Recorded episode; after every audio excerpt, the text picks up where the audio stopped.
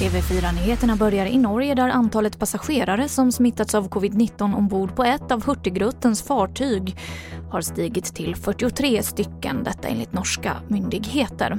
Och det här rapporterar SVT om. Totalt så kan smittan ha spridits till 69 kommuner, skriver nyhetsbyråer och det är oklart hur utbrottet på fartyget började.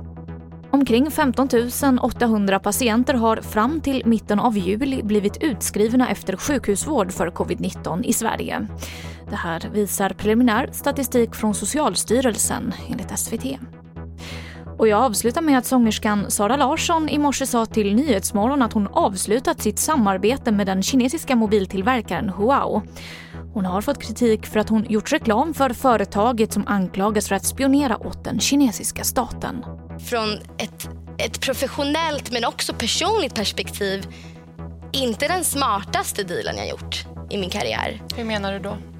Nej men alltså, det, här, det är ju inget jag står för. Och även om Huawei då givetvis menar att vi har inga kopplingar till det så är det svårt att bevisa eller motbevisa. Och vi vet ju att kinesiska staten är ingen, det är ingen snäll stat. Och det var det senaste från TV4 Nyheterna. Jag heter Emily Olsson.